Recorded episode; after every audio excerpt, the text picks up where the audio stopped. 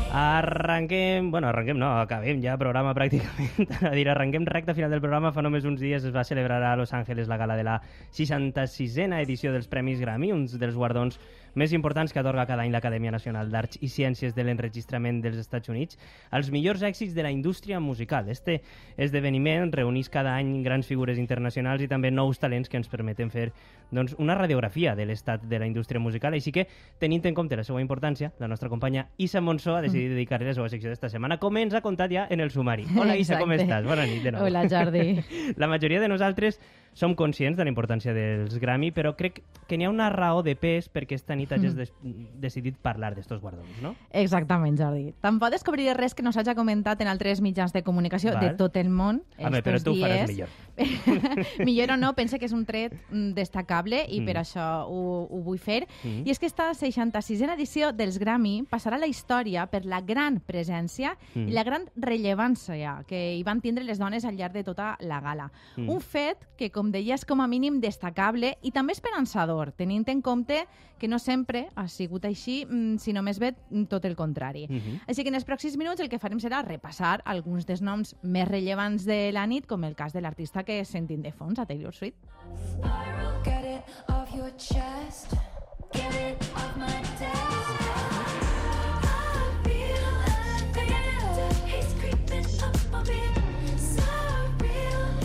La mínima que ets estat una miqueta posat en l'actualitat musical vas a saber que, sense cap mena de dubte, estimat oient, eh, estimada oient, Taylor Swift va ser una de les grans reines de la nit en la passada gala dels Grammy. Així és, perquè la música, cantant, compositora, productora i actriu va fer Mhm. història després de rebre un dels guardons més esperats de la nit, el de millor àlbum, i es va convertir així en una de les artistes que més vegades ha guanyat este premi en els Grammy, quatre en total, Mhm. superant Frank Sinatra, Uau. Stevie Wonder i Paul Simon. Que bé. I ho va fer gràcies al seu últim disc, Midnights, que també va ser guardonat amb el premi a millor àlbum vocal pop. Staring at the ceiling with you. Oh,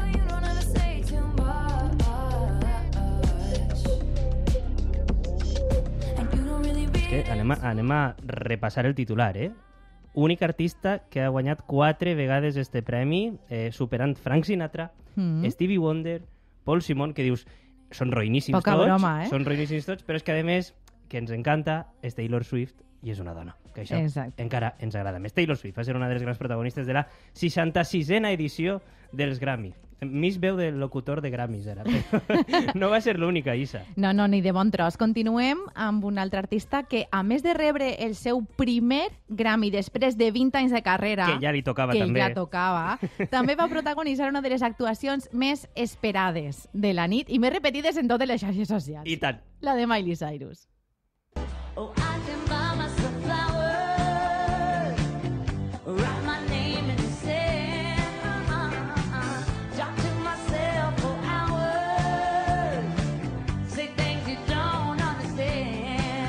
que quin temàs, amb totes les lletres, Flowers.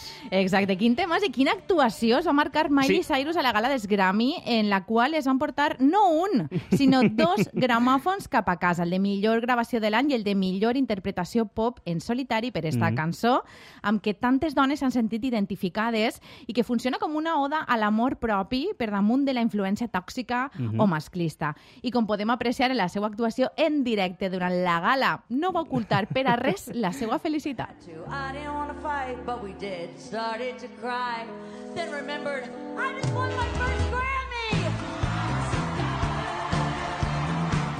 Ahir volíem arribar, moltes emocions, les que, bueno, les que va transmetre Miley Cyrus i, i, de fet, les que es viuen en una gala de premis com els Grammy.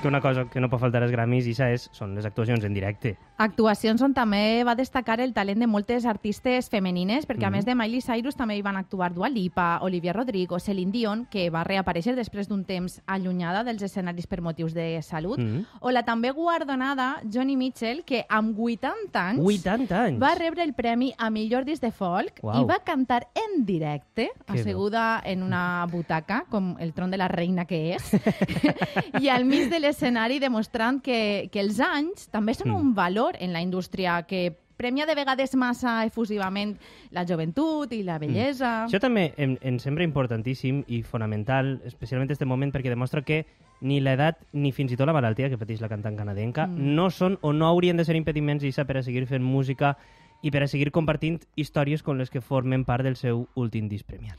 Efectivament, Jordi, però continuem, Mm. que ens queden moltes Sí, altres sí, sí, sí, artistes encara encara per molt, eh, per escoltar. acabar, sí. com la que ve ara, que també va actuar en directe a la 66a gala dels Premis Grammy i va aconseguir dos dels guardons de la nit. Ella és Billie Eilish. I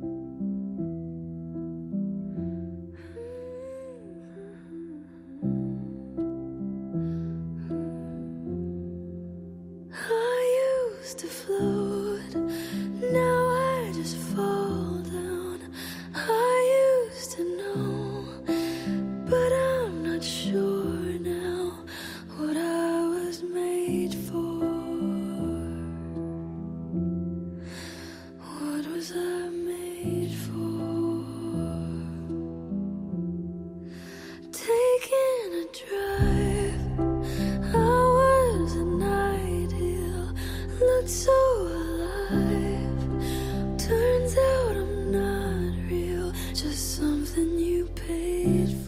en, esta, en este tram final, en esta secció d'Issa, sona la que el jurat dels Premis Grammy de 2024 ha considerat, poca broma, la millor cançó Mhm. de l'any. Així és, What Was I Made For és el tema que va compondre la jove cantant nord-americana Billie Eilish per a la banda sonora de la pel·lícula de Barbie, un Mhm. fenomen també cinematogràfic de 2023 amb molta presència femenina Mhm. i es van portar el premi a millor cançó de l'any i també el de millor cançó escrita per audiovisuals. I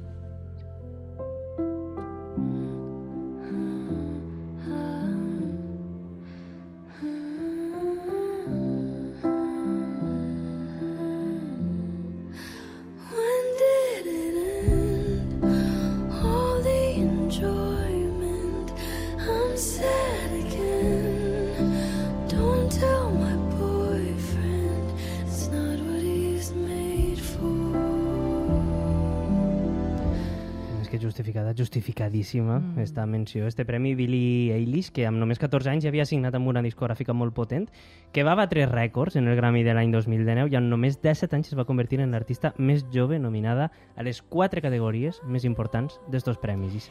I un any després no només hi va tornar a estar nominada, sinó que es va convertir en la persona més jove a guanyar les quatre categories principals dels Grammy. Millor artista revelació, gravació de l'any, cançó de l'any i àlbum de l'any en 2020. Però enguany, l'artista més nominada de l'edició va ser la cantant i compositora nord-americana S.J.A.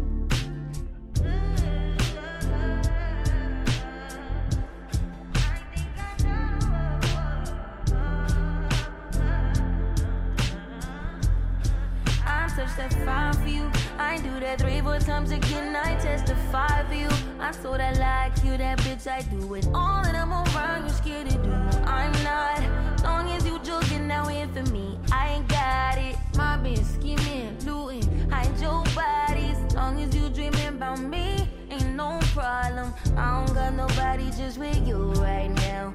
Tell the truth, I look better under you. I can't lose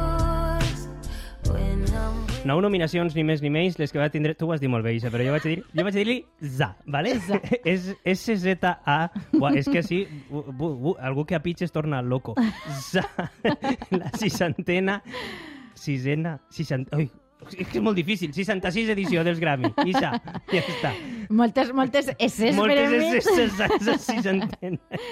Com bé deies, Jordi va estar nominada a nou, del, a nou de les categories, però Sí. finalment només es van portar dos gramòfons cap a casa, mm, tampoc poca broma. No, però. Un d'ells, el de millor cançó d'R&B per esta que sona, Snoozy. We had shit, yeah. It was magic, yeah. Smash and grab shit, yeah. Nasty habits take a hold when you're not here. Ain't a home when you're not here. Hard to grow when you're not here. I'm saying, I can't lose. De veres, que no sé quin problema és esta No ho he fet aposta, eh? Snus za 66a edició dels Premis Grammy. Eh, has dit, Isa, que za es van portar Sí. dos Grammys, un per esta cançó, però l'altre... L'altre va ser el de millor actuació de duet pop. Ah. Un premi que va compartir amb Phoebe Bridgers, l'artista més premiada de la nit, Vaja. perquè a més d'este guardó es van dur tres Grammys més Mhm. amb la seva banda Boy Genius, el projecte que té amb les seues companyes Julian Baker i Lucy Dacus, i va rebre els guardons a millor cançó de rock, Mhm. millor interpretació de rock Mhm. i millor àlbum de música alternativa per The Record. Just tryna be you everything. One crying. How you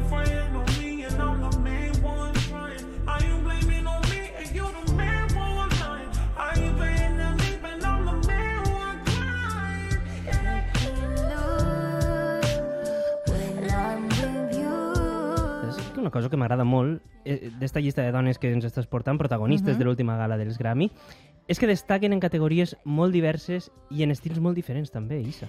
Exacte, i encara n'hi ha més, eh? perquè també el Mm. premi a millor àlbum de country de 2023, que Sí. es va donar en 2024, Correcte. se'l van dur la Young Wilson. La millor gravació de pop va ser per a Kylie Minogue. Mhm. I per primera vegada en la història dels premis Grammy, Oh. una dona va obtindre el guardó a millor àlbum urbà.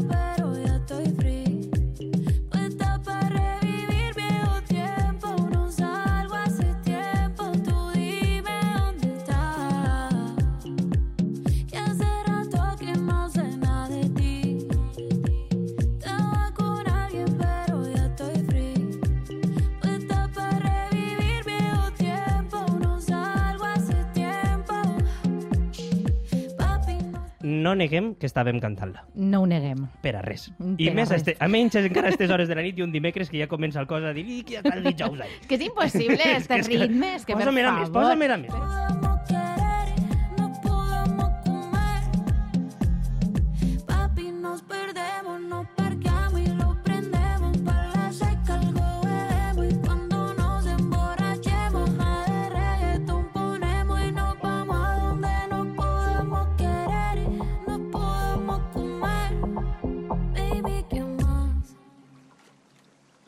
Que no me extraña que Carol G... Oh, ojo, eh, ojo, vale, perdó. que no me extraña que Carol G s'emportarà el premi pel seu disc eh, Mañana serà bonito, amb cançons Sí. com, com esta, que, que, que hem sentit, hem ballat, hem cantat fins a la societat i que porta per títol Provença.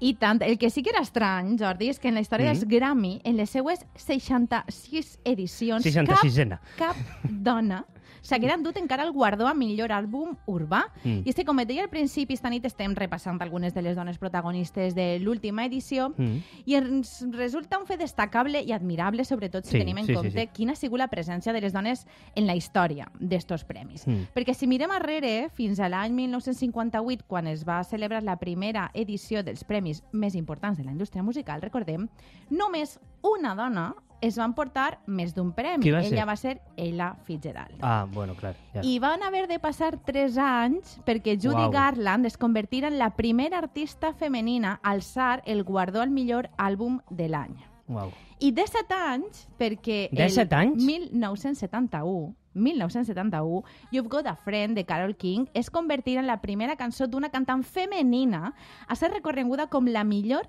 cançó. Que barbaritat. 17 anys, des Sí. de la primera edició, eh? Altres dones, com Uau. Lauryn Hill, MC Light i més recentment Beyoncé, han sigut algunes de les artistes que han trencat també sostres de vidre Mm. i han aplanat un poc el camí per a les dones als Grammy. Per això esta edició passarà a la història. Molt bé, i per això la repassem així amb Visa Montsó. Baby,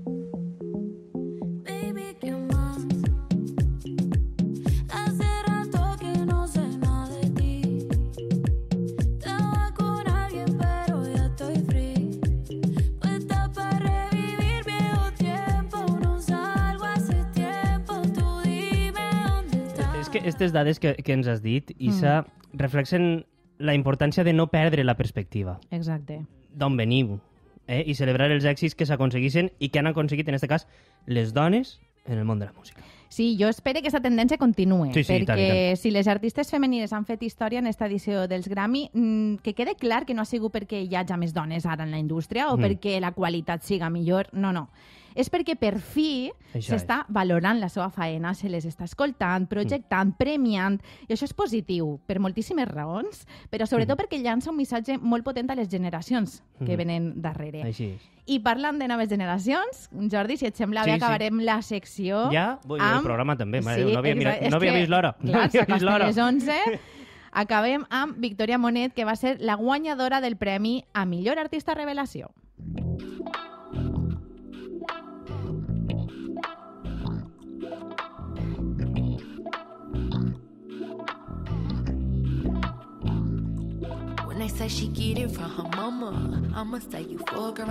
Era que és que havia dit que no havia vist l'hora i és que ja ens n'anem. Isa Montsó, moltíssimes gràcies, eh, Gràcies. per esta secció que la gent deu reescoltar i fins i tot apuntar les dades tan interessants que has dit. Reescolteu en Apunt Podcast.